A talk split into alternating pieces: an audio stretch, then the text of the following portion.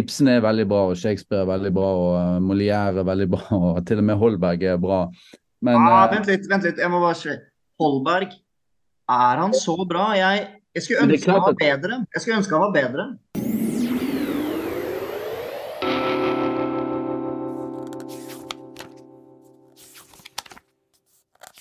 Kjære lytter, kjære bokvenn, medborger og medmenneske. Velkommen til denne episoden av Bladpodden. Vi skal snakke om teater og hvorvidt teatret har mistet kontakt med litteraturen. I utgangspunkt i en debatt, kan vi vel si, som Frode Helmik Pedersen har satt i gang. Og vi har med oss Frode Helmik Pedersen, professor og kritiker. Velkommen til deg. Takk skal du ha, Jonas. Vi har også med oss Jon Refsdal Moe, professor i dramaturgi og forfatter. Velkommen til deg. Takk for det. Ja, Og vi har med oss Ingvild Brein, litteratur- og teaterkritiker. Velkommen til deg. Takk. Og som vanlig, før vi starter å snakke om teater, så skal vi snakke, siden vi er bokvenner, skal vi snakke litt om hva vi leser for tiden. Og dette blir da klippet ut og lagt inn helt på slutten av episoden, til glede for alle bokvennene. Vi skal nå starte på dagens tema, teater. Og jeg tror vi, vi kan gi, starte med å gi ordet til deg, Frode, for det er du som har satt i gang, og får man si, en ganske fin liten debatt uh, i flere medier om hvorvidt uh, teatret har mistet kontakt Eller uh, kanskje du vil si det med dine egne ord. Hva er det du egentlig har skrevet om her? Ja, altså eh, For det første må jeg nesten påpeke at jeg har ikke vært ute etter å starte noen debatt.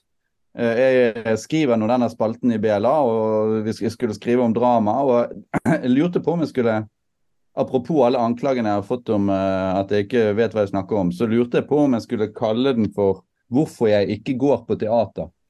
Um, og, eh, så, så det, det, er hele tiden ment at det er litt sånn å slå inn åpne dører og si at, at jeg ikke har sett nok. Da. Sånn at jeg, det ble litt så mye professorsnakk i, i, den debatten. Altså at jeg liksom er en slags professor som kommer inn og sier dette. Det er helt egentlig irre, irrelevant. Det er en publikummer som går i teater i ny og ne, og som blir skuffet nesten hver gang. Uh, og da snakker jeg primært om institusjonsteater, men jeg har jo selvsagt vært i i, uh, i disse andre ty typer teaterne innimellom. Uh, så det kan vi nok eventuelt komme tilbake til. Uh, så det er jo kanskje en annen, litt annen diskusjon, det er litt andre ting. Men det som var utgangspunktet faktisk for denne, denne kritikken min, det var Romeo og Julie på DNS. hvor jeg satt i salen og jeg så rundt meg. Jeg ble mer og mer interessert i å se på publikum. Mer interessert i å se på publikum etter hvert enn å se på scenen. Og jeg lurte på hvorfor, hvorfor folk var der. Hva er, det, hva er, det, folk egentlig vil ha ut av dette?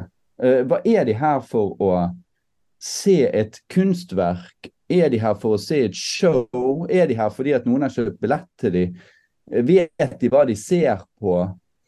Uh, og jeg, Det er mulig at jeg projiserte dette, men jeg så en, en, en, en total Hva skal man si? En kollaps i teaterets evne til å henvende seg til publikum. Det virket på meg ikke som uh, de på scenen visste, uh, visste, hva de ville med publikum i det hele tatt.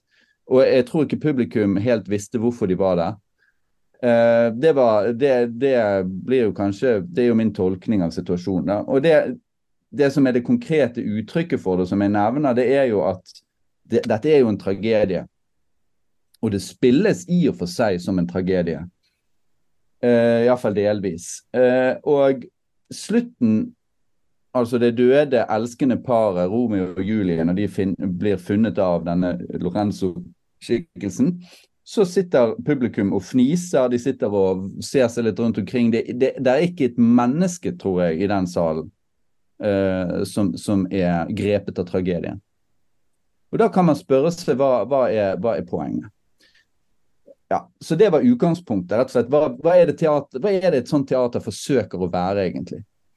Og, og, så er det jo da Så går jo jeg videre derfra da, til å knytte dette til uh, andre oppsetninger som jeg, og som jeg har lest om. Så det blir jo litt sånn impresjonistisk kritikk fra min side. Dette er, inngår i et slags mønster, slik jeg ser det. Og så leser jeg meg da opp på, på eh, eh, kulturbarometer og ser utviklingen av publikumstall osv. Og, og så ser jeg jo at uh, det står veldig dårlig til uh, med institusjonsteatrene da. Og det har egentlig vært ganske labert ganske lenge. med hensyn til hvor, hvor, mange som går på teater og, og, og sånn. og så, så, trekker jeg noen, noen slutninger av det, da så, så, og, og, og, slutningen i, sånn, i, hovedsak er jo at teateret er eh, ikke har noen sånn veldig stor plass i kulturen. At det ikke oppfattes som veldig sentralt av uh, folk. Og at, det, at, det, at, det, har en marginal plass. Jeg har, jeg har, jo fått veldig mye respons på dette innlegget. Helt utrolig mye respons. Jeg har sittet i lange telefonsamtaler med folk som har alle slags oppfatninger og, og, skal fortelle om eh, forestillinger de har sett, og sånn, også fra Sverige. Og uh, har, har, fått en oppfatning at uh, Det kan jo Jon snakke om, da, men, uh, men, men det er iallfall lignende altså Det passer også på en måte på den svenske situasjonen. Ja. Så, så ut fra dette her så så begynte jeg å, snakke om at var, problemet var forholdet til litteraturen. og Det har jo selvfølgelig litt med min bakgrunn å gjøre og hva jeg er interessert i. Men hovedresonnementet mitt der, det handler jo om eh, altså det, det, mest, det, mest, grunnleggende resonnementet her, det handler om at litteraturen, den gode litteraturen, den sterke litteraturen, den er et veldig sterkt medium for mening. Etter mitt syn det sterkeste vi har av kunstformer. Fordi den jobber i språk, og språk er det meningsbærende mediumet. Eh, sånn at det å ta alvorlig eh, det litterære forelegget, mente jeg da, ville kunne gjøre teateroppsetningen mer meningsfull. Det er et ganske enkelt poeng som, som, jeg tror veldig mange har hatt behov for å misforstå av en eller annen grunn. Men eh, når, vi, når vi går videre fra det grunnleggende poenget, Altså for eksempel, så En misforståelse har vært at jeg mener at, at, at, teater ikke er en selvstendig kunstform, som er en absurditet. Eh, og som jeg selvsagt aldri har ment. Jeg bare mener at teater kanskje har beveget seg bort fra litteraturen i, i eh, på en måte en driv til etter, eller en lyst til å bli helt ærlig, så har man mistet mer og mer kontakten med litteraturen. Det var en tese eller et forslag at det kan ha skjedd. Men eh, men så ut fra dette resonnementet så har jeg jo påpekt at vi må jo se helt forskjellig på to ulike problemstillinger, nemlig oppsetning av klassikere på den ene siden og ny dramatikk på den andre siden. Oppsetning av samtidsdramatikk på den andre siden. Og så kan vi sikkert ha en tredje kategori som går på uh, scenekunst som ren scenekunst, altså hvor det, hvor det, ikke er noe litterært forelegg. Og det er en, en en kunstform som jeg ikke egentlig snakker om, og som, som er ærlig talt eh, ikke spesielt interessert. Men, men det, det, kan godt være at det er bra også, altså. Men det ikke er ikke på en måte det jeg snakker om. Jeg snakker om scenekunst, eller dra, dramatikk, som, som, en blanding av litteratur og, og scenekunst. Da. Ja. Okay. Så, så, det var i korte trekk eh, kritikken. Så kan vi jo ta det derfra. Ja, fint. Da har vi to kyndige her som kan komme med litt respons. Dere har uttalt dere flere steder, dere òg. Men uh, hvem vil starte? Um, ja, jeg, kan, um, jeg, kan, respondere på det. Uh, jeg jobbet som teaterkritiker i Morgenbladet og NRK en liten periode også, i ti års tid. jeg går fremdeles og ser teater innimellom. Jeg vil, jo, jeg vil jo si at jeg kjenner meg veldig i veldig mye av det du sier. Uh, og jeg, uh, jeg, det, er nesten sånn liksom, Noen ganger blir nesten sånn nærmest retraumatisert av å se av å bare tenke på noen oppsetninger man har sett, fordi det er så jævlig dårlig, liksom. Og det er, uh, og det er sånn ting som man ikke blir der. og på en eller annen måte så, så blir det, det blir liksom, Jeg syns det, det, er skikkelig fælt. Jeg får, sånn, jeg får, liksom, jeg får angst av det. Og så må jeg ja, da ringer jeg alltid til en av mine beste venner som er teaterregissør, og så skjeller jeg ut hele feltet. Um, så, jeg, jeg, så jeg, kjenner veldig igjen det, det, veldig mye det du sier. Og jeg tror han har veldig mange gode poenger. Jeg tror det er også derfor han har fått et såpass bra momentum som, altså som, denne, som dette essayet har fått. Da, som jo for så vidt er liksom altså i spalten metakritikk, som jeg ikke helt vet hva er, men uansett i en spalte i et sånn må vi med respekt si relativt smal publikasjon som, som blad er, da. ikke sant? Um, så det er jo ganske så det er jo egentlig ganske fint. Og jeg syns det var ganske sånn oi, wow, når dette kom. Det var liksom, det var liksom deilig. At det var liksom noe som bare gønna på og bare lot det liksom bare øse. Så det, så det syns jeg. Og jeg tror uh, hvor, hvor, var vi? Altså det, er, det, er så, det er innmari mye å si her, da. Men det, er liksom noe mellom uh, Hvor skal vi begynne? Um, bare start med én ting, så tar vi det derfra. Ja, nettopp. Jeg skal starte med, jeg skal starte med én ting. Og da uh, tenker jeg kanskje vi kan starte med dette som lysten til å bli selvstendig.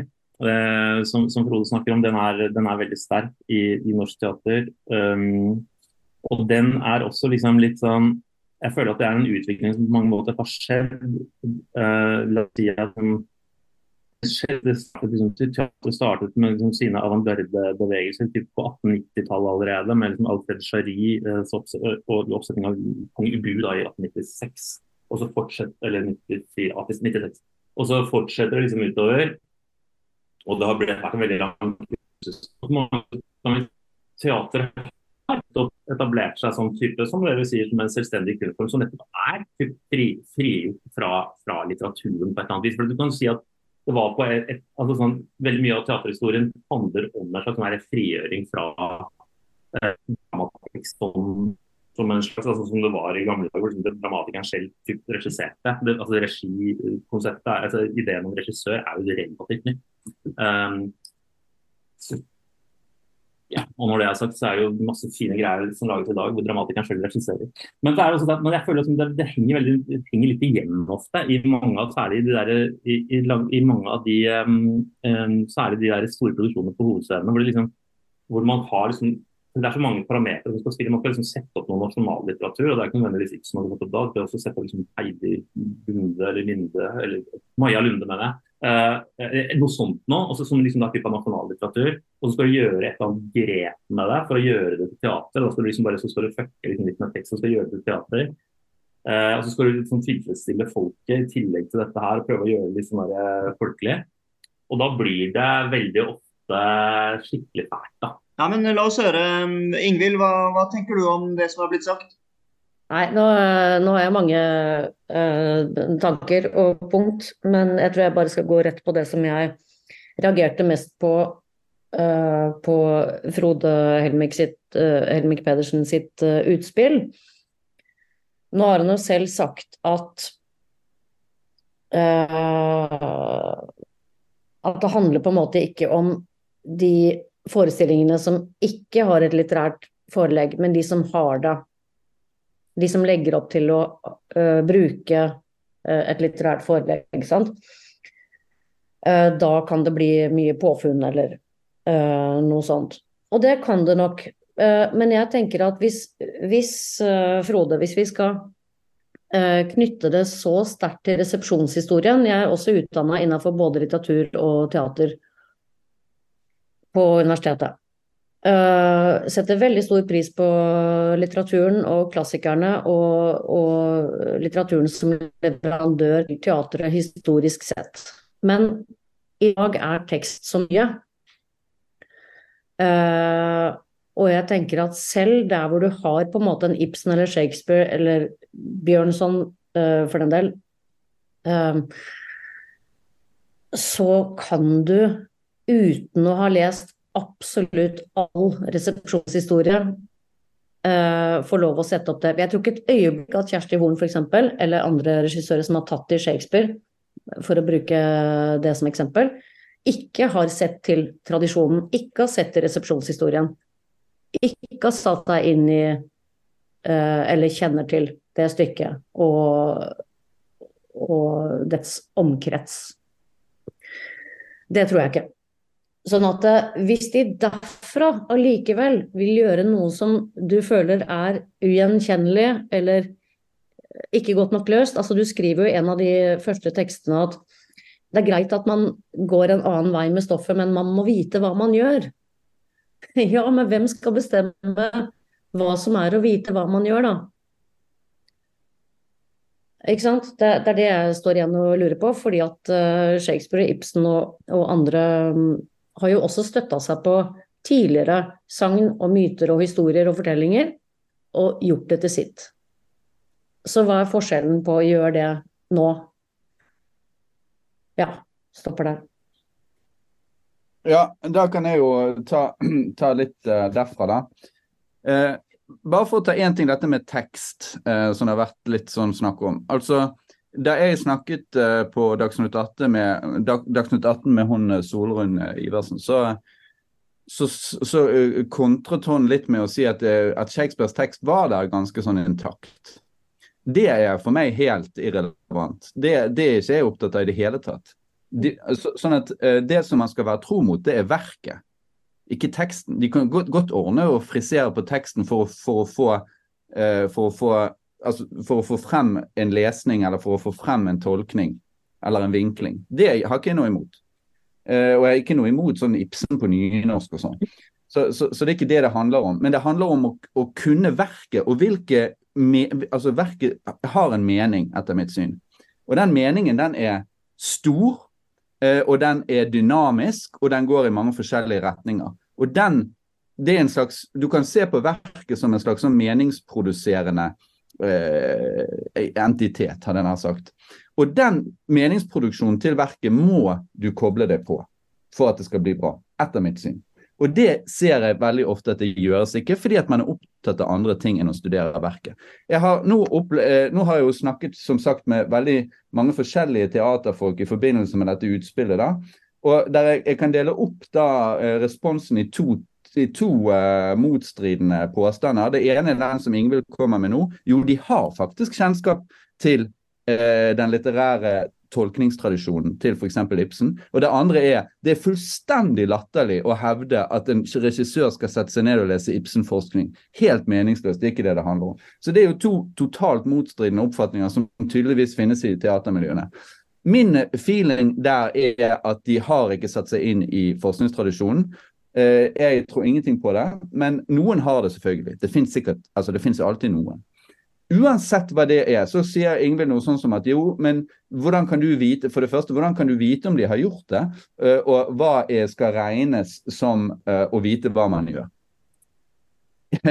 ja, da er jo poenget at det spiller ikke noen rolle om du har gjort det hvis det ikke er noen ting som tyder på at du har gjort det, for å si det sånn. Du må jo vise at du har sett noe i Ibsen som du vil vise frem. Du har sett altså Ibsen i, eller Shakespeare eller hva det nå er du må, du må vise på scenen at du har at du har en viss oversikt over de mulighetene som ligger i stykket, og at du har valgt en av de, eller at du har valgt vekk andre, eller at du har funnet frem til noe nytt. Men det er ikke så lett å finne noe helt nytt i Shakespeare og Ibsen. Sånn at uh, der, er jo, der, er jo, poenget at uh, hvis du ikke gjør det, da, sånn som jeg mener at Kjersti Horn ikke har gjort i forbindelse med Romeo og Julie, så faller du tilbake bare på helt konvensjonelle tolkninger. Og Det som jeg da mener å kunne påvise, eller som er argumentet mitt, er at den tolkningen av Romeo og Julie som vi får se på DNS, det er en minst 200 år gammel tolkning som var helt gjengs. Jeg leste akkurat en sånn uh, sitat fra Slegel. Uh, hvor, hvor, han skriver om Romeo og Julie, og det er nøyaktig den, det synet på Romeo og Julie som kommer frem her. egentlig. Nemlig, Du har en ung kjærlighet, den er ren, den er sterk, og den blir ødelagt av ytre krefter.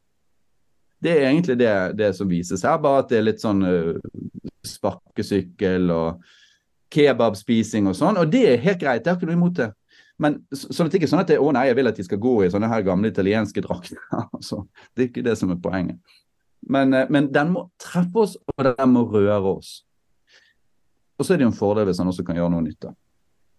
Jeg tror, uh, tror du er inne på, eller det er selvfølgelig begge inne på, noe her. Uh, og jeg tror det viktigste er at du gjør en sterk analyse av, av, teksten. teksten. Det er ikke alltid, um, det er ikke alltid man, man, Det er så lett å se det. og det er også, også, Men jeg tenker også en annen ting som er viktig, det er også at um, teater har jo også sin fortolkningshistorie. Teater har også sin Teater har også sin regihistorie, sånn at det finnes liksom en del litteraturforskning for å kalle det, i, altså forskning uh, i, i, eh, i eh, oppsetningspraksisene.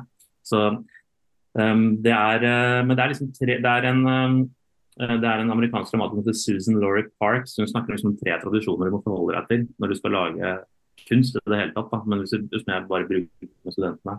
Uh, det ene er liksom The Great Tradition, som liksom er alle som har gjort noe før deg. Og som er liksom mange The Great Tradition som mange som man også kan kalle liksom dramahistorien. Altså, du må på en måte forholde deg til du må forholde deg til at alt har vært gjort før, selvfølgelig. Du må også forholde deg til at teksten kommer med en enorm virkningshistorie. Og så er det the personal tradition. Det må være relevant for deg som kunstner. Hvis det ikke er relevant for deg som kunstner, så blir det ikke bra. Du må, liksom, det sier jeg alltid studenter, du må gå inn med din personlige inngang. Og det er nettopp der, i de møtene, i møtene mellom den personlige kunstneriske viljen og nettopp i, i, teksten som det gjøres en grundig analyse av. Uh, der oppstår det interessante ting. Og så er det en tredje tradisjon som heter the tradition of the next big thing. Ikke sant? At det er uh, ideen om fremtiden. ideen om, så det vil si Fremtiden som alltid ligger type, i nåtiden og i fortiden. At du må alltid prøve å gjøre noe som på et eller annet måte er tilnærma nytt. Selv om det er gammelt på et eller annet vis. Uh, ja. Det var det jeg hadde å si. Uh, jeg, jeg, tenker at um, det var spennende, spennende å høre. Um, men jeg skal gå tilbake til Frode. Uh, om dette med å være tro mot verket, ikke mot teksten. Det har jeg lyst til at du skal utdype, Frode. Fordi at det var forskjellen på det for uh, lekmann. Altså, du sier at du trenger ikke være tro mot teksten, men du må være tro mot verket. Snakker du da om forfatterintensjon, eller snakker du om hva, hva er det du legger i verket? Ja, da legger jeg i verket at verket er på en måte en mening. Eh, en, en, eh, du, kan, du, kan, si det er en meningsstørrelse. Eh, og den er heterogen og, og i bevegelse, sant? Eh, og, og, vil hele tiden være i forandring etter at den blir lest på nye måter og sånn. Hvis du har på en måte en, en slags kontroll på, det, på den grunnleggende meningsdimensjonen i verket, så kan du si det at jo, men her er det ett hjørne så å si, av meningen til dette verket eh, som kanskje har vært lite utforsket. Eh, det vil jeg eh, utforske som regissør. Og for å kunne utforske det, så kan det hende at jeg må kutte noen andre typer replikker som er på en måte irrelevant for det. Og dermed så er ikke du teksttro, men du er verktro. Ja, men er ikke det også et tolkningsspørsmål? Jo, altså, ikke Kjersti Hoel f.eks. ha funnet et hjørne av rommet i Julie som eh, ikke du eller jeg har sett? Jo, det er primært et tolkningsspørsmål. Det forutsetter selvfølgelig en lesning av den dramatiske teksten, og etter mitt syn også en lesning av virkningshistorien. Altså Virkningshistorien er også et begrep som kanskje ikke alle forstår, men, men bare den tolkningstradisjonen som tilhører ethvert eh, og de, de tingene, hvis, hvis, du bare setter deg ned og leser et verk, så vil det mange ting du ikke vil se selv. Så, så tradisjonen inneholder veldig mye eh, interessant, eh, kreativ lesning av disse verkene, og du vil da se mye mer. Og da vil du kunne velge. Og da er jeg ikke så opptatt av at du beholder hele teksten, f.eks. Du du kan også gjøre noe, og det vil jeg tippe at du må kanskje med, med noe Ibsen, at, du, at du, du, må gjøre noe med plottet innimellom, sant? hvis du skal oppdatere det. Det, det, det syns jeg kanskje jeg eh, har sett litt for lite av. Det, det aller beste er jo selvfølgelig hvis f.eks. Ibsen kan oppføres med den teksten det er, og likevel være totalt relevant og oppdatert. Men det er en del ting, hvis du skal ha en moderne setting, så er det en del ting som rett og slett ikke funker lenger rent sånn plottmessig et manuskript som brenner, er f.eks. litt vanskelig. Sant? Vi har mobiltelefoner og sånn. Hvordan skal man skrive inn sånne ting? Uh, men, men så, sånne ting er jeg ikke opptatt av. Poenget er at det må være en, uh, en troskap mot tradisjonen og verket som er Ikke for tradisjonen og verkets egen skyld, men for oppsetningens skyld. Ja, men jeg, jeg, jeg, hører fremdeles at du sier, Frode, at uh, du har lyst til å være kritiker og mene hva som er den tro måten mot verket. og, og, det vil jo uh, være å bli en, uh, en diskusjon, da. Jeg, jeg, kan se andre ting enn deg. Du, du kan ikke si at det finnes en kjerne som er udiskutabel i et Ibsen-verk eller Shakespeare-verk som, som en regissør er nødt til å forholde seg til hvis regissøren ser noe annet. Uh, jo, jeg, jo, der er vi nok litt uenige. Er, det er noen ting som er udiskutable. Men det er ikke sånn at det er udiskutabelt om en lesning som regissøren gjør, er bra eller dårlig. Det er ikke det er diskutabelt. Men det er f.eks. ikke diskutabelt Hvis vi tar et sånt veldig pedagogisk eksempel.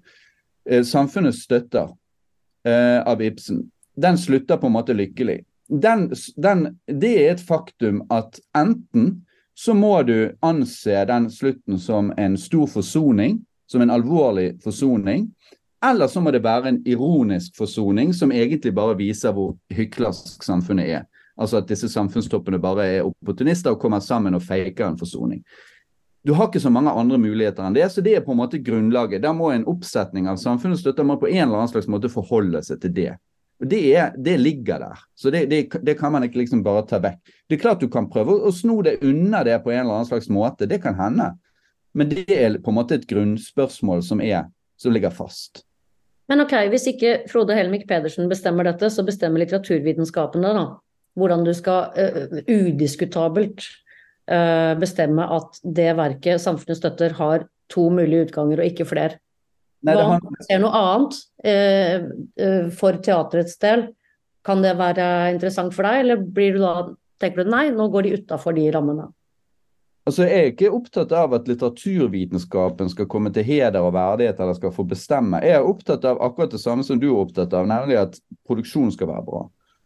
Det skal være en intelligent Ibsen-oppsetning. Eller Shakespeare, eller hva det nå er. Løveid-oppsetning. Ja. Og, da, og, da, og, da, mener jeg bare det at ja, jeg har vært skuffet så mange ganger, i likhet med Jon da tydeligvis, og sett liksom sånn ah, Ja, men hva skal dette være? sant? Og så kommer jeg med dette forslaget at kanskje hvis dere gjør dette istedenfor, altså setter dere inn i tradisjonen og ser de interessante mulighetene som er der, og kanskje oppdager noe som nesten ingen har vektlagt før, også i teateroppsetningstradisjonen, selvsagt, som ikke jeg kjenner så veldig godt på andre enn en Bjørnson, da, så, så, eh, så kan det bli bedre, rett og slett. Og det er det som er poenget. Vi har samme mål. Det må bli bedre. Jeg er ikke imot uh, den tankegangen, men jeg tror heller ikke et sekund at uh, regissører øh, ikke tenker sånn. Ikke går til verket, ikke setter seg inn i rammen rundt i den graden som de trenger. Og det skal på teatret, det skal ikke være litteratur. Teatret kan ikke være en videreføring av litteratur, det skal være en selvstendig kunstart som vi har etablert. Um, og de har lenge stått i en nær forbindelse, og det har de gjort uh, klokt i. Og det kan de gjerne fortsette å gjøre. Men jeg tenker at vi må bare også kunne tenke at litteratur er noe annet som manus når det kommer på en scene. Kanskje det er kråket her, kanskje det er, kanskje ikke kan festes mellom permer. Kanskje ikke alltid litteraturen er så limt til teatret som uttrykk, og ikke trenger å være det jeg, jeg, tror at vi skal liksom, prøve å komme tilbake eh, til ideen om at hvis man hvis du gjør en grundig analysearbeid, så kan du egentlig komme unna med hva som helst, mener jeg. Men det må være motivert. Det må også være motivert i forhold til verket. Jeg, jeg, må også forstå hvorfor noen setter opp Ibsen. Liksom. Jeg må forstå, hvis jeg sitter og ser jeg, eh, hvis jeg sitter og ser Shakespeare, hvis jeg ser Ibsen, hvis jeg sitter og ser Strindberg, så er det sånn, jeg vil gjerne vite hvorfor de har satt opp akkurat dette stykket. og tror jeg, da tror jeg det handler om Jeg tror jeg er egentlig ganske enig med Frode det. at jeg tror det handler om å prøve å se det, den, de potensialitetene som ligger i teksten, og som ligger i fortolkningstradisjonen. Og jeg tror at mange regissører i Norge ikke gjør det i tilstrekkelig stor grad. Det tror jeg. Eh, jeg tror det handler veldig mye om at dramaturgifaget, faktisk, som jeg representerer, da, nå gråter jeg for meg sjæl kanskje, men ikke egentlig. men vi har jo ikke, altså vi, vi har nettopp ikke et uh, Vi har det så vidt universitetsfag datakunnskap litt grann i Bergen. Men veldig mye av den, den intellektuelle diskursen og, og, utviklingen av dramaturgi Vi har dramaturger på teatrene som er utdannet i utlandet stort sett. Uh, jeg tror også man skal prøve å styrke dramaturgenes og dramaturgrafenes posisjon. Nettopp fordi da, får du den, da har du den dialogen med uh, den litterære fortolkningstradisjonen, med den teatrale fortolkningstradisjonen og med samtiden. ikke sant? Um, som man, som man, da hele tiden er i dialog med, med regissøren. Og der, I stor grad så er det jo ofte, eh, opplever jeg også, at eh, mange kommer inn og skal liksom, gjøre, gjøre, sitt eget grep, hvor det blir det viktigste. At du gjør et grep med teater. Uh, men som sagt, hvis man, hvis man, har en altså For meg er det liksom og det er også det med verket. Verket er jo ikke noe som er hogd i stein. Verket er liksom noe som bare eksisterer som en lagt form for uh, ja, det er en sånn befolkning. Altså, Antigone for eksempel, det, er, det, har vært lest i 2500 år. Når du setter opp det, så er det vanskelig å liksom bare sette opp det. Og jeg kan nevne et eksempel også. Jeg så Ifigenia i Aulis uh, på Dramaten um, for et par år siden fire år siden. da. Uh, Nadia Weiss hadde satt det opp. og Da var det sånn, da skal vi, da, da, da skal vi liksom spille det rett fra bladet. Vi skulle liksom ikke gjøre noe med det stykket. Og Hvis du da ikke gjør noe med det stykket og ikke motiverer hvorfor du setter opp Ifigenia i Aulis i 2023, så er det litt sånn, det er jo liksom, det er basically et sånn fasciststykke. Hvor du skal liksom, du skal ofre deg for nasjonen. Og den unge kvinnen går gladelig døden for nasjonen. Det gjør hun. liksom. Der går gladelig døden for nasjonen, og så sitter liksom så sitter liksom Dramaten publikum og klapper og tenker her, her, må vi gi denne, Hvis vi skal sette opp denne stykket i dag, så må vi gi den teksten noe motstand. Da må vi gi dem forstå hvorfor vi setter den opp i dag. Den og De var litt sånn ja, terrorisme er interessant, liksom, så derfor skal vi gjøre henne til litt som terrorist. Men okay, altså, det, det, var ikke noen sterk analyse til grunn. Og jeg tror også at Hvis du har en sterk analyse, og den analysen gjør du ikke nødvendigvis alene, den gjør du veldig ofte i samarbeid med det kunstneriske teamet du har, særlig da med en dramaturg. Hvis du kommer til liksom, Tyskland f.eks., hvor liksom, dramaturgene har en veldig veldig mye høyere status enn i Norge. Så, eh, hvor de også har liksom, mye mer ja. Så um, den dialogen tar man ofte i samarbeid med team. Og, da må du, og nettopp derfor så da kan det bli bra, tror jeg. Hvis du, hvis du har liksom en grunnleggende intellektuell kunstnerisk samtale til grunn. Og jeg tror at det er veldig mange som gjerne vil det. Jeg tror ikke det er, jeg tror ikke det er, liksom, jeg tror ikke det er regissøren, Nå har ikke jeg sett den forestillingen uh, som dere snakker om, da. Men jeg tror ikke det er liksom regissørene per se som liksom er uh, slemme eller noe sånt. Jeg tror bare at det er også veldig mye det infrastrukturelle rundt teaterproduksjon i Norge som, som hindrer liksom, teatret i å være liksom, en kunstform også. Men det kan vi kanskje snakke om hvis vi har tid. Eh, jeg, jeg ville ta, ta, opp, altså I og med at jeg får, blir så bombardert for tiden av alle mulige som kommer fra teatermiljøet og som vil si hva de syns om det jeg har sagt og sånn. Eh, på litt forskjellige måter. Så er det en, en liten ting her som, som, eh, i det Jon sa som, eh, som, har, eh, som, jeg har tenkt litt på, nemlig ordet musealt. Jeg tror det kom frem i en av disse eh, responsene i Klassekampen også. Altså, Vi kan ikke ha et musealt teater. Eh, og Det er jo sånn typisk sånn å lage seg en stråmann. Og Jon har jo et veldig godt eksempel. Sant? Det er et eh, Goethe-stykke som alle vet at alle vet at Goethe er en sentral dramatiker og forfatter og lyriker og alt mulig. Men det er ikke sikkert at Goethe kan bare settes opp. Det, det, det, er, det er, det er ikke altså det, det museale vil jo være nettopp det eksempelet der. Du setter det opp, og så står stykket der kontekstløst og egentlig, egentlig er skandaløst på en helt feil måte. Sant? Det ville være musealt. Men det motsatte av musealt er ikke liksom å ødelegge klassikeren eller å gjøre bare liksom være uh, uh, totalt uh, uinteressert i, i, hva tradisjonen sier eller sånne ting.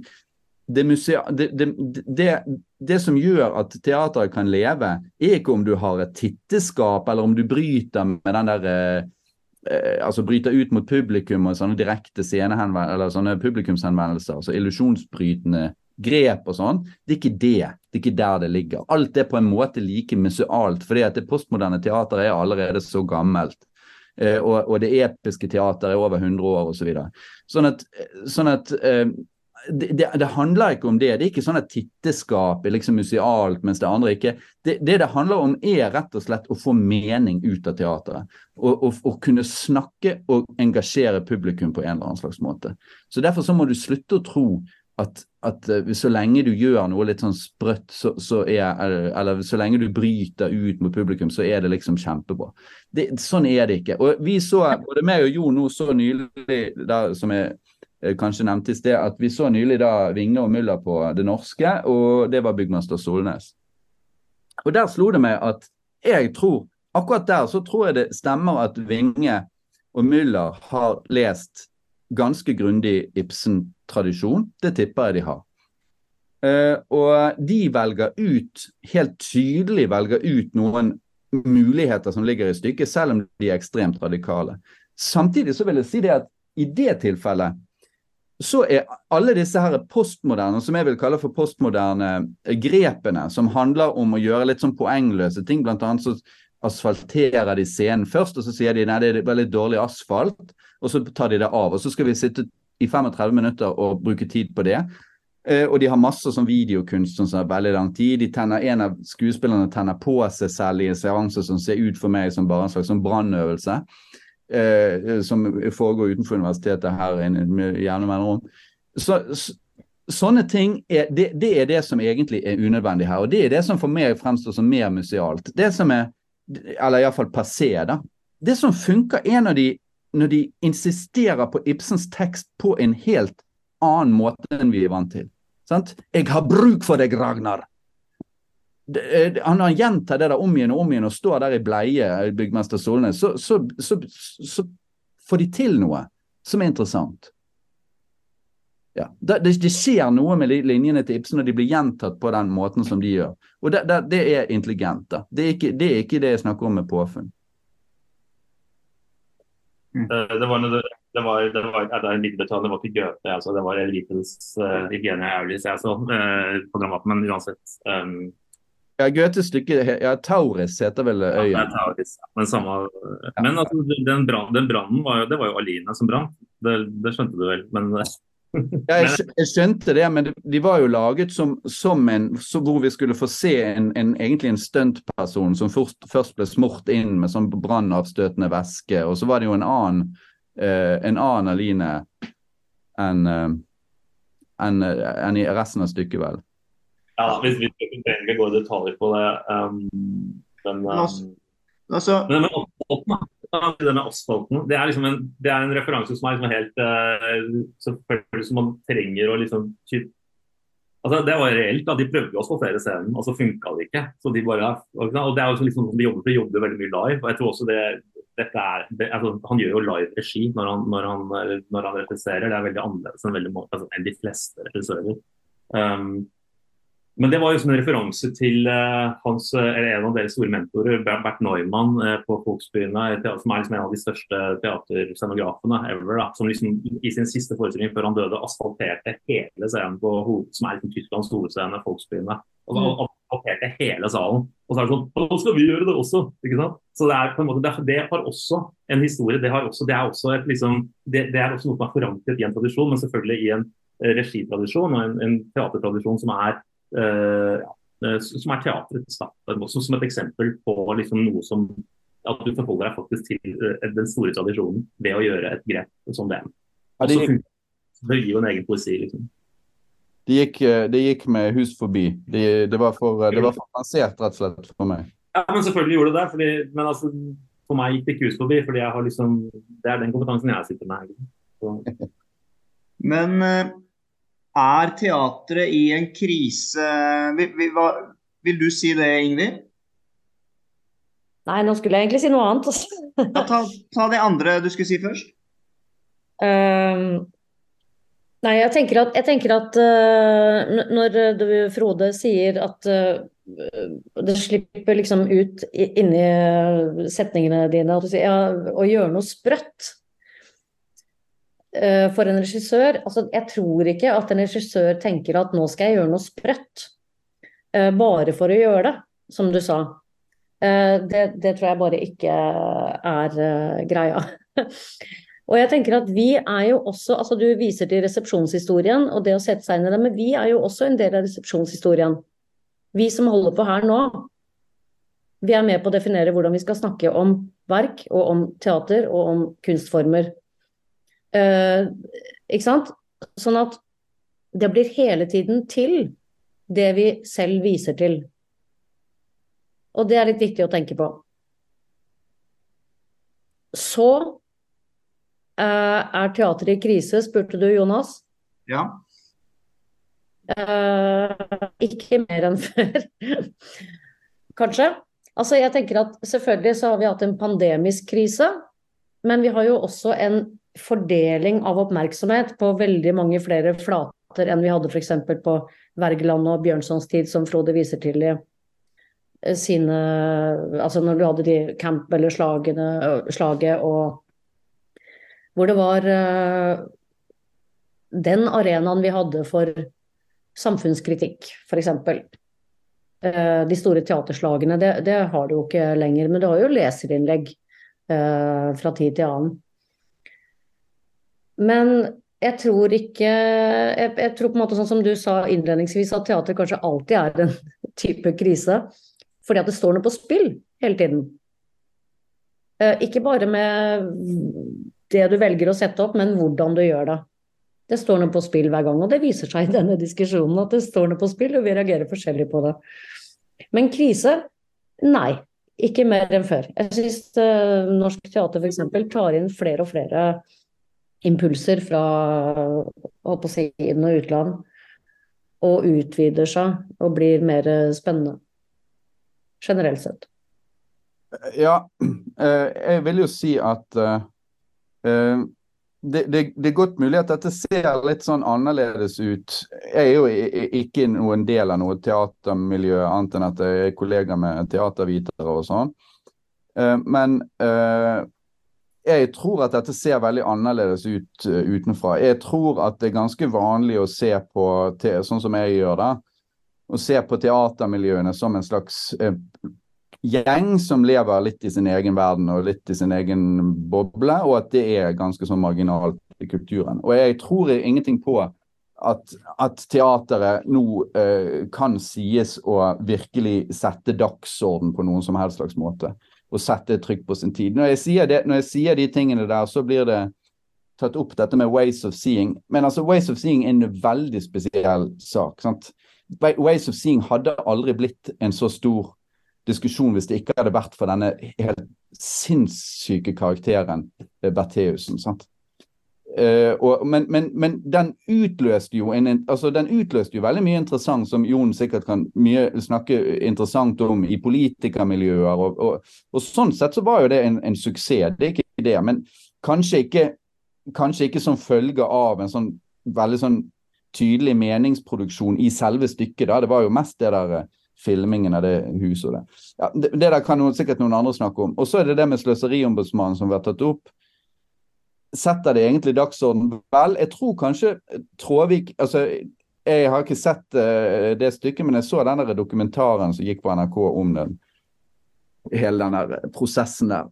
Og um, der vil jeg jo si det at OK, Tråvik fremstår ikke som en spesielt uh, litterær figur, men uh, men, og er ute etter, og er ute etter å lage skandaler. Men skandalen for, eller å være provokativ, da, men der vil jeg jo si at det er jo ikke et sånn kjempepoeng i, i, i, seg selv å provosere. Altså Det er ikke så vanskelig å provosere i seg selv. Men det som er vanskelig, det er jo å lage politisk teater.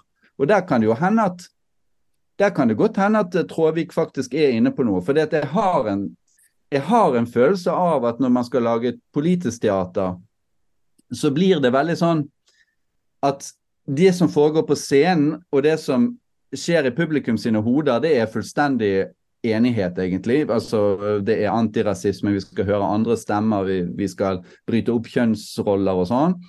Eh, det er ikke det sånn som publikum egentlig er uenig i, og der, dermed så blir det ikke noen konfrontasjon, da, sånn som det kanskje ble når borgerskapet gikk i teater i gamle dager, når de faktisk fikk pekefingeren rett i trynet og sagt se på dere sjøl, dere må forandre livet, livene deres. Da, da får du noe litt annet. Mens nå har jeg en følelse av at, at, det er mer en sånn slags OK, det er de andre, de som ikke er her inne hos oss, som vi kan kritisere. Høyrepopulister og sånn. Ja. Det, det blir kanskje et problem. Men, men har du sett uh, Tore Wang Lid sine stykker? Det er jo Se på dere selv, for eksempel. Ta et mer konkret eksempel. Hmm? Jeg tar et litt mer konkret eksempel, så du kan diskutere det. Ja, nei, F.eks. stykket hans om uh, 22.07., uh, som gikk på losjen uh, 'Tilstander av unntak'. Tilstander av unntak. Uh, for kort tid siden, og det gikk i Oslo, og det er sendt rundt omkring. Nasjonalt og internasjonalt. Han har satt opp veldig mye som både har klassikerforelegg og ikke har det. Nå, nå, setter han opp 1984 på DNS i høst. Det har jo et, et, litterært forelegg. Så hva kommer han til å gjøre med det? Det vet vi ikke. Det blir spennende. Men, men, han velger ikke noe som han ikke syns kan fortelle oss noe, da. Det er min tolkning av hans regiteater, uh, for å si det sånn. Uh, og, og, han er jo en blant flere som tross alt prøver å fortelle oss noe. Altså, det er ikke sånn at når du kommer på teatret, så sovner du. Ikke sant? E, eller at du ikke får noen ting som angår deg. Altså, tvert imot, syns jeg. Det, det, er opp til deg å finne det. Men jeg syns jo at jeg ofte blir prøvd fortalt noe om min tid og mitt liv, eller vårt liv. Eh, jeg føler at det er en vilje bak en oppsetning. Og så er det, siden jeg er kritiker, da, så må jeg vurdere funker det eller funker det ikke. Funker det bra, funker det dårlig? Det er jo en meningsting, det er ikke hogd i stein, som vi var inne på i stad. Uh, kjernen i verket, eller nei, tro mot verket. Uh, jeg, jeg, dette er jo en subjektiv tolkning av en annen subjektiv tolkning som jeg bedriver, ikke sant? Jeg mener at det blir helt feil å, å tenke at her er det én av to utganger som er riktige, som du sa i stad, Frode. Men nå, nå, går jeg i ring. Men OK. Uh, ja. Husker ikke hva jeg svarte på. Ja, nei, Jeg trenger ikke å svare på det akkurat nå, det siste. Det der med kritikken er subjektiv, det, det syns jeg er det, ja, Nei, det, det, er ikke en måte jeg har lyst til å diskutere kritikk på. For å si det. Nei, det, det, at, eh, det, det, det syns jeg rett og slett altså å si at en, en, kritikers dom bare er subjektiv, det, er, det, er jo, det vet jo alle. Men altså er jo, poenget er jo at vi, vi, snakker jo hele tiden som om kunsten har noe intersubjektivt ved seg. da. Ellers så går det ikke an å snakke. Da er det jo bare alle slags smaksdommer. Du liker det, jeg liker det. det da, da, har ikke vi noen samtale. Så Derfor syns jeg ikke det er en så veldig god idé. Men jeg vil, jeg vil, gjerne høre, jeg vil gjerne bare høre litt hva Jon mener om, om det politiske teateret også, da, når vi har hørt hva Altså Det er et forsvar for det fra Ingvildsens side. Jeg noterer meg det. Hun føler at Eller hun går jo mye mer i teater enn meg og føler at hun får uh, en meningsfull politisk kritikk i teater. Hva syns du, Jon? Um, jeg tenker hvis, hvis, jeg bare kan gå tilbake aller først til det spørsmålet som Jonas stilte om teatret var i en krise, så kan jeg si at teatret har hatt liksom en sånn krisebevissthet eh, typ, eh, siden kanskje 1890-tallet, eller til og med før det. Eh, at det ligger liksom en sånn idé om at teatret er i krise hele tiden for all nyskaping som skjer i teatret. Det handler veldig mye om liksom, at ja, teatret er i krise, vi må, vi må liksom, uh, gjøre noe nytt, vi må forholde oss til det. Uh, så det er liksom, så Derfor også når, når, når Frode kommer og sier liksom, teatret er i krise, så er det sånn ja, men det er det jo, det vet vi jo. Det er liksom en del av det, Nå er det jo egentlig bare en del av liksom vår tradisjon. ikke sant? Så, fordi de, de, de um, uh, innspillene som veldig ofte kommer fra liksom, de viktigste også de viktigste teatermenneskene, handler jo veldig mye om uh, å liksom, utdefinere basically veldig mye teater. Sara Hanne var inne på det i Klassekampen. Hun snakket om Peter Brook og The Deadly Theater og sånne ting. Uh, og liksom Da skal man skape noe nytt. Det er jo litt det samme som i, i litteraturen, sikkert. Men altså, vi kan jo si at i teaterhistorien så avantgarde-eposen er veldig veldig sterk. For den kanaliserte teaterhistorien. Um, men så er det også liksom, jeg tror også teatret kanskje er en krise i forhold til altså Det er liksom den krisen som, som vi er oppe i nå, da, som vi kanskje så litt som resultatene av i, i dag morges også. altså Det er sosialdemokratisk, sosialdemokratisk krise. Uh, vi er oppe, Sosialdemokratiet er, er oppe i en dyp krise akkurat. Det kan vi jo se. Um, og på mange måter et bilde på det tror jeg som, som ble som et bilde på meg, for uh, som jeg så liksom i avisen for et par dager siden, eller når det var, Jonas Støre på, på valgkamp i Skien, hvor han står og spiser kebab. Og så står han liksom og dytter en kebab inn i kjeften med åpen munn. og liksom Du ser liksom kebabsausen på tunga hans, og da skjønner du liksom at her har du en mann som liksom er strippa for all sin verdighet, som han faktisk får med. Altså Strippet for all verdighet i et sånt forsøk for å appellere til en eller annen idé om noe som er representerer nasjonen eller folket. Og det, Der tror jeg liksom, særlig de store institusjonsteaterne sliter i dag. fordi de, og de, de prøver hele tiden å definere liksom, nye ting. Uh, uh, hva, folk, hva, det er de kommuniserer med. Jeg så, sist jeg var på Nationaltheatret, så jeg liksom, en plakat. Vi er nasjonens eget teater. Det er liksom Oslo Nye, det er byens eget teater. Og Norske Teater, jeg vet ikke hva det er, ja, det er Norges eget teater. så er det liksom, det nasjonens eget teater. Hva faen, hva er en nasjon? Og det er, det er også noe med å liksom prøve å og, og problematisere det begrepet, i hvert fall, istedenfor å liksom bruke det. Så der tror, jeg, der tror jeg teater er i en krise, i og med at det er tross alt en sosialdemokratisk institusjon. Eh, som, eh, som, opprettholdes gjennom liksom, type sosialdemokratiske midler, basically. Altså gjennom eh, ganske heavy statlige overføringer, som etter hvert kanskje kommer til å bli kutta. det får vi se på, hvis den høyrebølgen kommer til å være så sterk som den ser ut til å være.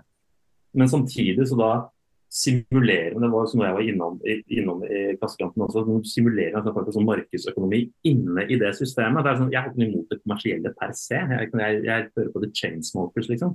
Men det, det, som er problemet er at når du har noe som i utgangspunktet er fullstendig ikke-kommersielt, og så skal du skape en slags form for sånn illusjon av kommersialitet gjennom uh, det der billettinntektskravene som de har, Uh, samtidig som For å redde sine egne arbeidsplasser basically, så må de da sørge for å få inn så så mye publikum. Da, da kan du ikke liksom drive med kunst, men samtidig så skal du også sette opp noe nasjonallitteratur. Eller du skal sette opp noe som folk kan kjenne seg igjen i.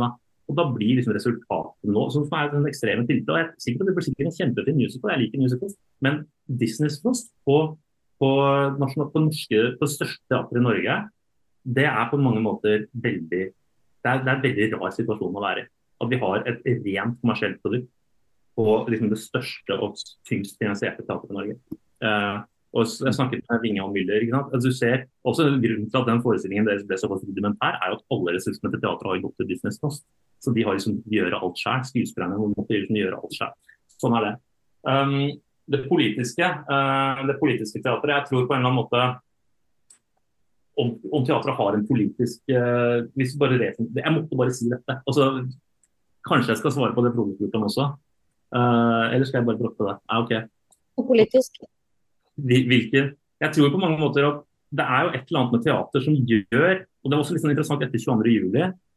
Når du så Det, var, det superinteressante der var jo at eh, det ene forsøket som kom på å behandle 22.07. kunstnerisk da allerede i 2012-2013 med Christian Lovikes uh, manifest et eller annet, jeg husker ikke hva den het, som ble som ble utsatt for sånn, sånn grunnleggende fordømmelse i veldig mye av kulturmedia. Samtidig som kulturjournalistene, og ikke bare kulturjournalistene, men journalistene per se, eh, begynte, å, begynte liksom å dyrke sine egne opplevelser. Begynte å skrive veldig litterært om sånn 'Jeg satt der tre meter fra terroristen'. Det var sånn, så det er et eller annet teater. Jeg tror, altså, det er en uh, fyr som heter uh, Jonas Barish, gjennom noe som heter 'The Anti-Capital Prejudice'.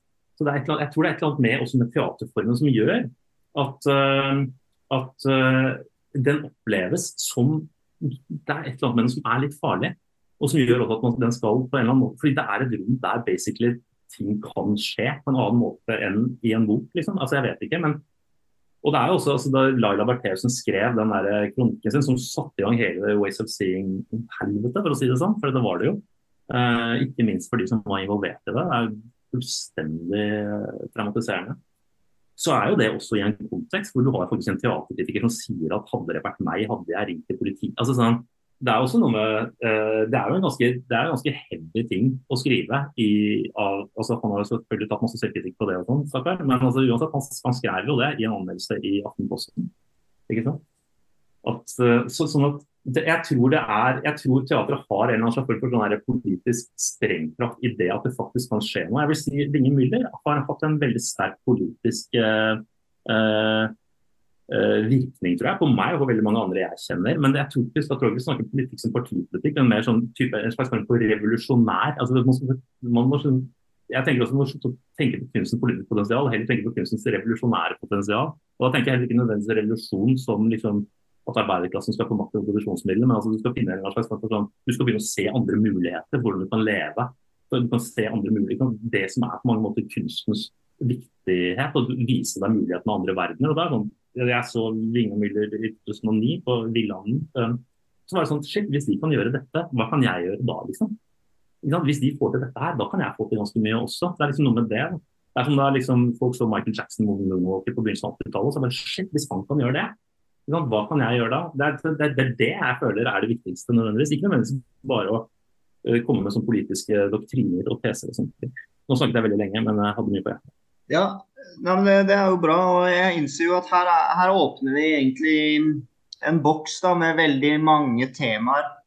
Eh, som går litt på kryss og tvers. og Det, det er mye spennende å ta tak i, men vi, har, vi, begynner å nærme oss også en slutt for dagen. Så det, kanskje de innleggene som kommer nå, blir en slags avrunding. Eh, vil, du, vil, du, prøve først, Ingvild? Ja, hva skal jeg prøve på? Nei, hvis du vil oppsummere litt, og det er noe du ikke har fått sagt, og vi, vi må begynne å runde av, så Å oh, ja, sånn ja. Uh, nei, jeg tenker i hvert fall at uh, uh, det er viktig å tenke at teatret er jo også en kollektiv kunstform. Altså med veldig mange andre aktører enn skuespillere og regissør. ikke sant? Du har scenografer og uh, kostymedesignere og lyd og lys og uh, alle går sammen om noe som ja, det kan være en tekst, ja, det kan være en ikke-tekst. Det er i hvert fall et forelegg.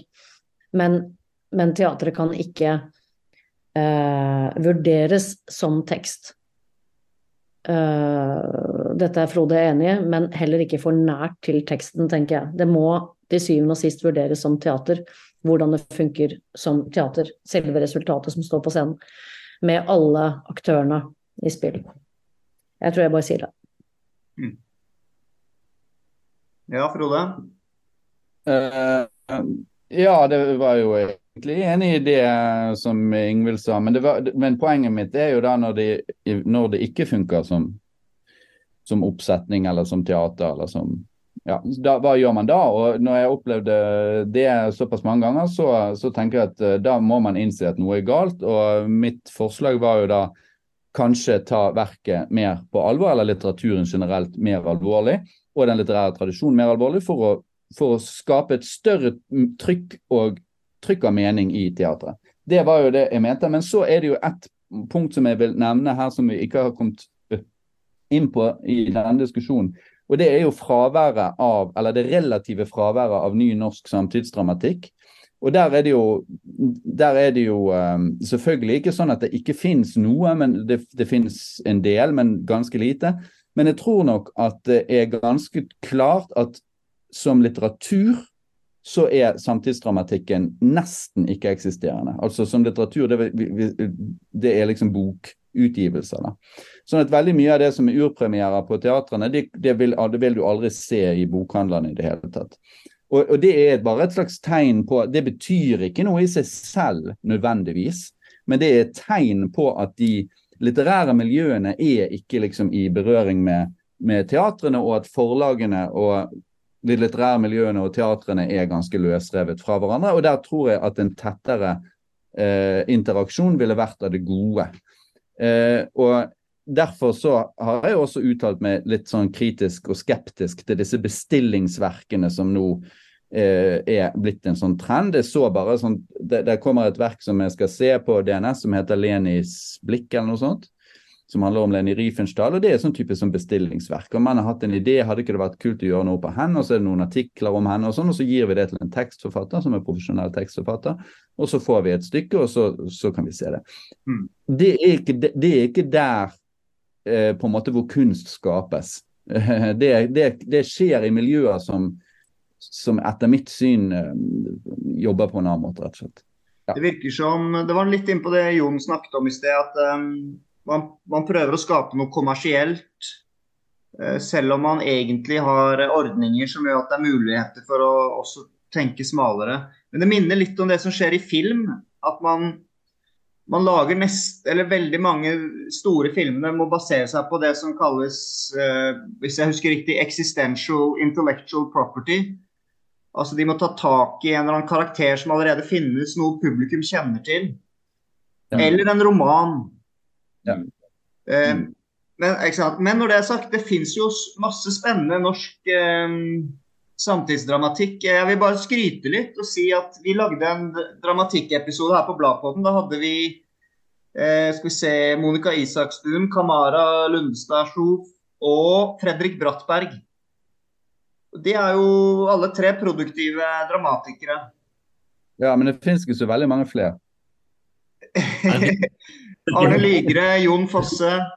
Ja, de begynner å trekke litt på årene, da. Men ja, det, Det finnes eh, også altså, hvis jeg kan si, det finnes også liksom, mange som skriver dramatikk. Jeg tror også det er liksom noe med at man har hengt seg opp litt sånn i det hva, dramat, hva dramatikk er. Det er også man ofte opplever, er når, når etablerte forfattere skriver dramatikk, så begynner de sånn, skriver de på, liksom, på venteværelse. Så sitter de og venter på legen eller noe sånt, så begynner det å bli noe sånn ekstremt konvensjonelt. Så skriver de veldig mye kjedeligere enn de egentlig skriver.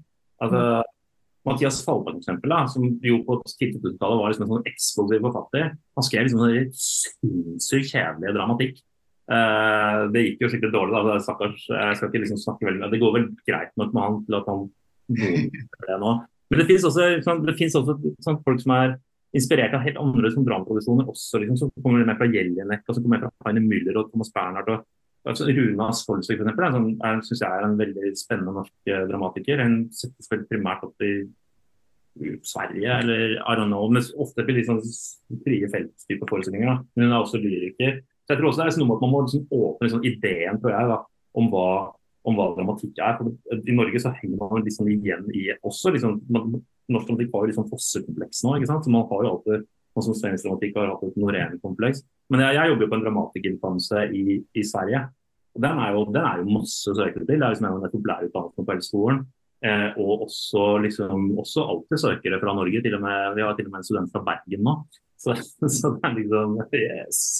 Så det, jeg tror ikke krisa nødvendigvis jeg, jeg, tror det er, jeg tror faktisk det er eh, et, jeg tror det er potensial i dramatikken. Man, man, man, frigjøre seg litt fra liksom, ideen om dramatikk som en dramatisk form som en sånn klassisk dramatisk form. og Det, det handler også litt om når det nest at de velger å sette opp liksom et stykke av en tekstforfatter, istedenfor å sette opp liksom, uh, det siste stykket til en eller annen uh, ung, ny, kul, spennende dramatiker, eller for så vidt Jelinek, eller for så vidt Thomas Barnard, eller for så vidt liksom, Heine Miller, så, jo, så, sier det også litt om liksom, teaterne, og kanskje ikke så mye om dramatikken.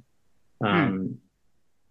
Men det er jeg veldig enig i. Altså, akkurat det, Jon med, med dramatikken som uh, ikke alltid er gjenkjennelig som tekstdramatikk. Men den fins allikevel. Ok. Men la oss avslutte med deres, Dere kan velge en av tre. Enten favoritt-teaterforfatter, favoritt-teaterstykke å lese som tekst, eller favoritt-oppsetning. Et eller annet teaterminne. Så du må velge en av de tre og dele med, med lytterne. Jeg likte, jeg likte ordet teaterforfatter. Fordi du Hva? sa ikke drama. Jeg likte, jeg likte liksom ordet ditt teaterforfatter. Ja. Jeg har hørt det. Og da tenker jeg at Min favoritt-teaterforfatter, som, uh, som, da ikke nødvendigvis er en dramatiker, men en, teater, en, forfatter som skriver om teater, det er jo Terje Holte Larsen. Som skriver ja. Per Gynt-versjonen, som på mange måter uh, den, handler, ja, den handler jo på mange måter om norsk teater. å lese. Det er sånn, jeg, han skriver seg inn liksom, i ideen om uh, den østerrikske filosofen Otto Weininger som reiser til, uh, reiser til Nationaltheatret Oslo for å se Per Gynt i 1903. Nei, i, 18, i 1900 var det kanskje, eller 1901, jeg husker ikke. Og så, så drar han sporenstreks hjem og begår selvmord fordi det var så jævlig. Og Det det det er en fantastisk bok. Det beste, beste, noe av det beste jeg har lest. på noe. Om ikke det beste. Enig. Mm. Ibsen er også bra. Ja, kan jeg henge meg på? For at jeg er så enig i Terje Holte Larsen. Uh, altså fra et mislykket forsvinningsnummer. Er det den? Nei, Per Gynt-variasjonen. Per Gynt. Han har jo et essay fra et mis... Eller han har jo en novelle slash altså fra ja. Men det er to bøker han tangerer dette her i. Og det, det, er altså så fantastisk lesing og inngående om uh, liksom teatertradisjonen, ja. Uh, og Per Gynt og eh, musikksettingen eh, til det òg. Men, men, da kan jeg bare henge meg på å si favoritt-teaterstykke å lese. Bare for å være skikkelig litterær nå, så vil jeg si Per Gynt som lesestykke. Den var jo først skrevet som lesestykke. Uh, og det som er gøy, er å lese Per Gynt med sånne kommentarer uh, om samtiden. Det fins en utgave som er sånn Her kan du se hva Ibsen egentlig eh, skjente ut mot i samtiden. F.eks. at Hu-Hu eh, eh, er vel i dårekisten i Kairo, er det ikke det? Eh, det er egentlig en eh, harselas mot uh, Åsmund Olavsson Vinje, nynorskmannen. Hu-Hu, altså. Det er nynorsk. Han som bare snakker nonsens. Uh, osv. osv. Det er kjempegod lesning, men det er dramatikk i bokform. Og det fins også som en glede. Så pellegrim lesestykket. Herlig med dramatikk i bokform at man slipper alle skildringene. Som man ville fått hvis, hvis det var eh, prosa. Ja, Frode? Sceneanvisninger nå. Ja, det er ganske. Vinterhagen og ser lengselsfullt ut mot havet. Ibsen har masse av det. Ja.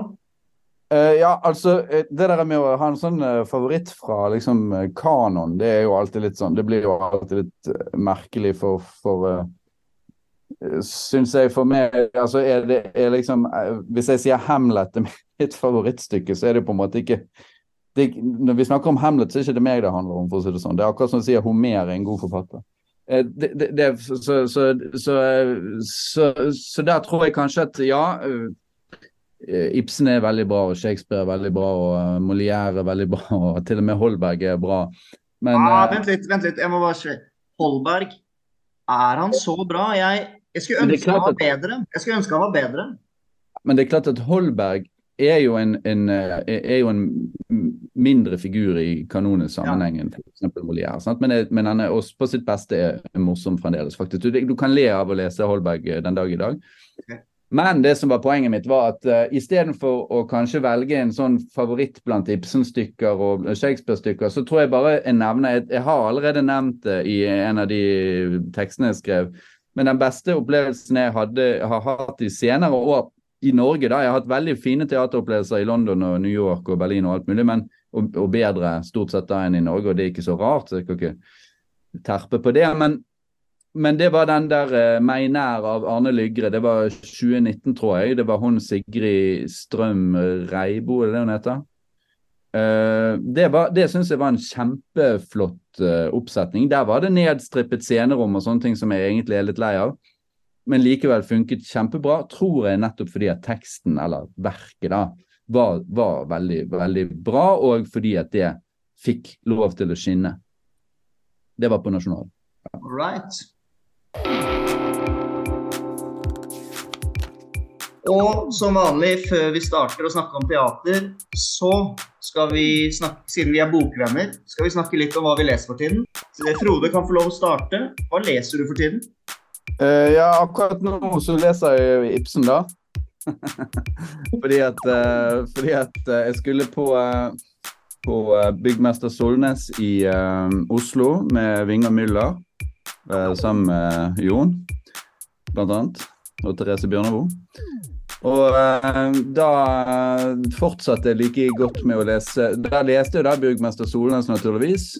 Eh, som alltid overrasker. Det alltid, står alltid masse Ibsen som du har glemt at står der. Uh, og det er jo da noe av det som uh, teateret kan, kan, løfte frem, og som i og for seg Vinge og Müller også gjør. da.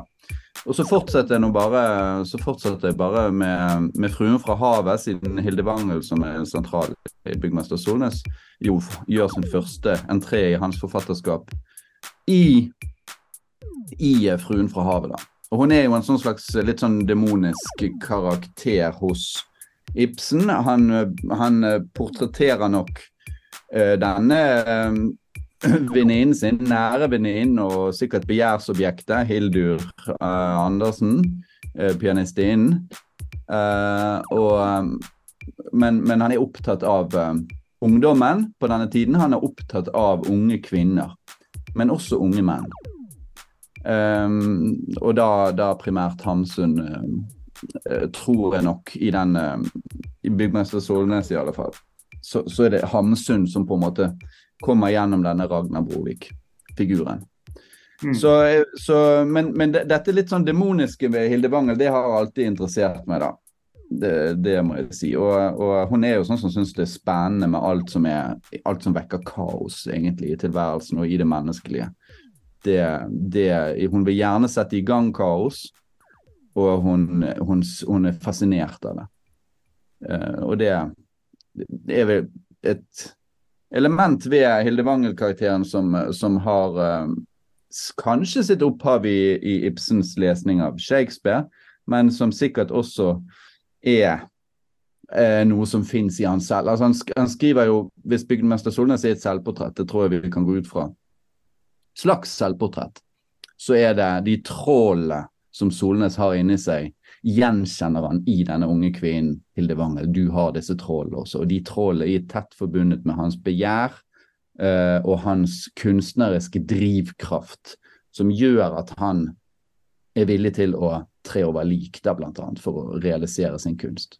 Og det mener jeg jo da at alle kunstnere må være. Og det er et moment ved kunsten som ikke har så gode kår i, i dag. Og, og, være villig til å trå over lik?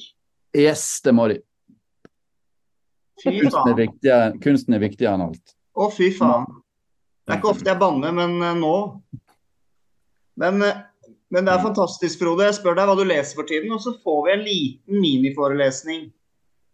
Med begjær og Shakespeare og Hamse. Det var, det var, det var fint. Um, det betyr ikke at dere må svare på samme måte, men uh, nå er du også professor, Jon, så hva, hva, leser ja. du for tiden? Um, jeg har lest veldig mye sakprosa i det siste. Jeg vet ikke om, om det teller her. Da, jo, jo, jo. Prosaforum, ja, vi er det. Ja, det er fordi, det kanskje litt for å forberede meg på hva jeg våkna opp til i dag, eller egentlig så i går kveld. Så har jeg fordypet meg de siste ukene i eh, egentlig fremveksten av høyrepopulisme både i Europa og i eh, USA og lest mange norske forfattere. Anne Bitz. Eh, det er jo altså, hennes eh, to bøker om Manshaus og uh, og drapet på Benjamin Hermansen er jo helt forbilledlig bra. Jeg er fra Nordstrand sjøl, som liksom er uh, et av naziredene uh, hun skriver om. Um, Vegard Tenhold Aase også. 'Alt du elsker skal brenne' på innsiden av den hvite nasjonalismens gjenfødelse i USA. en norsk journalist som har liksom typ gjort seg til, eh, om ikke venn, så i hvert fall jobbet veldig nærme, eller gått veldig inn i liksom nynazistbevegelsen i USA. Og fulgt dem frem til liksom, Trump-valget og frem til uh, den der demonstrasjonen hvor alt gikk i dass, eller gikk til helvete, rett og slett. Med hun Heather Hayer som ble drept og sånne ting. Uh, 'Mørke nettet' av Øyvind Strømmen. Uh, og ikke minst Utøya-kortet av Snorre Valen, um, som også er en utrolig interessant bok. Som handler om liksom uh, uh, vel, altså, ytre høyre og egentlig høyrepopulismens uh, angrep på Arbeiderpartiet etter 22.07. Og også hvordan Erna Solberg på mange måter har hevet seg over debatten, som hun alltid gjør. Når, hun kom, når hun møter ganske ekstreme synspunkter i egne rekker. Så det er, det er, egentlig det jeg har holdt på med. Men så i går så for Jeg traff en fyr på fest i sommer eh, som het Arne Henning Årskaug. Og Jeg begynte å lese han i år, jeg er bare på sånn lydbok. for Han leser sjøl. En bok som heter Hva heter han? Har dere hørt om han? Nei. Han gir ut på Samlaget. Og det er sånn, Apropos Apropos øh, det vi snakker om, da, altså, altså, vi skal snakke om teater og litteratur og sånne ting. Dette er jo på mange måter, altså Han kaller det novelle, men jeg føler at det mye mer er dramatikk, selv om det ikke har en dramatisk form. Han er fra Førde. Og så husker jeg ikke hva boka er. 'Skap og sørg. Eksessar om all gørra vi ber på'. Så det er sånn, Hvis noen nynorskteatre hører på her, så er det sånn dette er en fyr som skriver skikkelig skikkelig bra på nynorsk. Eh, veldig, veldig morsomt. Eh, litt sånn mantende stil da, på mange måter, eh, som jeg er veldig glad i. Men uh, også veldig sånn forankret i et sånn litt sånn arkaisk nynorsk uh, språk. Uh, veldig veldig ålreit. Så det, det, leser jeg. Det leser jeg nå. Arne Henning Årskaug, 'Skap og sørg', eksesser om all driten vi bærer på. Fantastisk. Hva var det du skulle bruke det om høyreekstremisme-temaet om? Nei, altså jeg har jo vært, har jo vært liksom engasjert i dette her, fordi det har jo vært ganske mye angrep på, på Så jeg har blitt sånn rota inn i en sånn debatt. Um, ja. i Norge. Som det har vært, det har vært mye liksom, høyrepopulistisk eh, gørr som har liksom kommet opp mot uh, kunstfeltet. Da, ikke minst scenekunst, eller frie scenekunstfeltet, som jeg på mange måter har veldig mange venner og kolleger i. Skjønner. Jeg har jo blitt liksom uh, en av de som uh, holder den, holdt den debatten litt sånn oppe, oppe, i Norge. Og Derfor så har jeg liksom blitt engasjert i det, begynt å lese om det.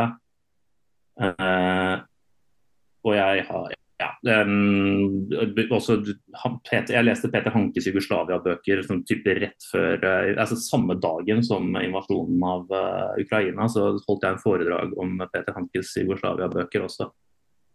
Uh, som jo for så vidt er noe annet, liksom, hvordan, hvordan, kunstneriske ytringer plutselig havner opp i noen liksom, drøye, ekstreme kontekster. Uh, men her er det omvendt. Da, så Det er vel egentlig derfor at jeg havna liksom, inn i en sånn debatt. og Det, blitt, det, det tar mer og mer energi. for jeg, Når jeg sånn, ser, sånn, når du ser Ways of Seeing-saken når du ser denne saken med han Are Søberg, og hvordan liksom hele Norge, liksom hele liksom intellektuelle, ikke akkurat intellektuelle eliten, men veldig mye av medie- og makteliten i Norge liksom trykker han fyren til sitt bryst, samtidig som liksom det er han, liksom, samtidig som han driver og feeder eh, Putins propagandamaskiner med gørr om norske navngitte personer, så syns jeg det var liksom, dette er litt interessant. da. Og også selvfølgelig Erna Solbergs uh, uh, helt sånn eklatante angrep på ytringsfriheten i, uh, mars 2019. Hvor hun liksom rett og slett ba Pia Maria Roll og gjengen hennes om å holde kjeft, og sa at de har ikke lov til å uttale seg i en sak som hun selv ansvarliggjorde dem for. Mm. mm. Jeg syns egentlig Det er skikkelig drøye ting som pågår i Norge. og det er derfor så jeg er liksom opptatt av det. Og det er liksom, Jeg føler det som en del av mitt samfunnsansvar også som, som liksom professor. At det handler ikke bare om liksom å, å hygge seg og prate om kunst, men det handler også om liksom prøve å forstå de kontekstene vi går inn i og de utfordringene vi kommer til å stå overfor, og som vi står overfor. Ja. Så det er enda et foredrag. Um, ja, ja, sånn er det. Det er sånn, er, det er sånn professorer er. Ja, det er kanskje det, altså. Glad i høyre. Ja, det er fint. Det er fint. Vi, vi trenger det. Ja. Uh, Ingvild Brein, hva leser du? Ja, jeg er da ikke professor, så jeg skal snakke litt kortere. Um, jeg leser nå eh, selvbiografien til John Cleese i Monty Python.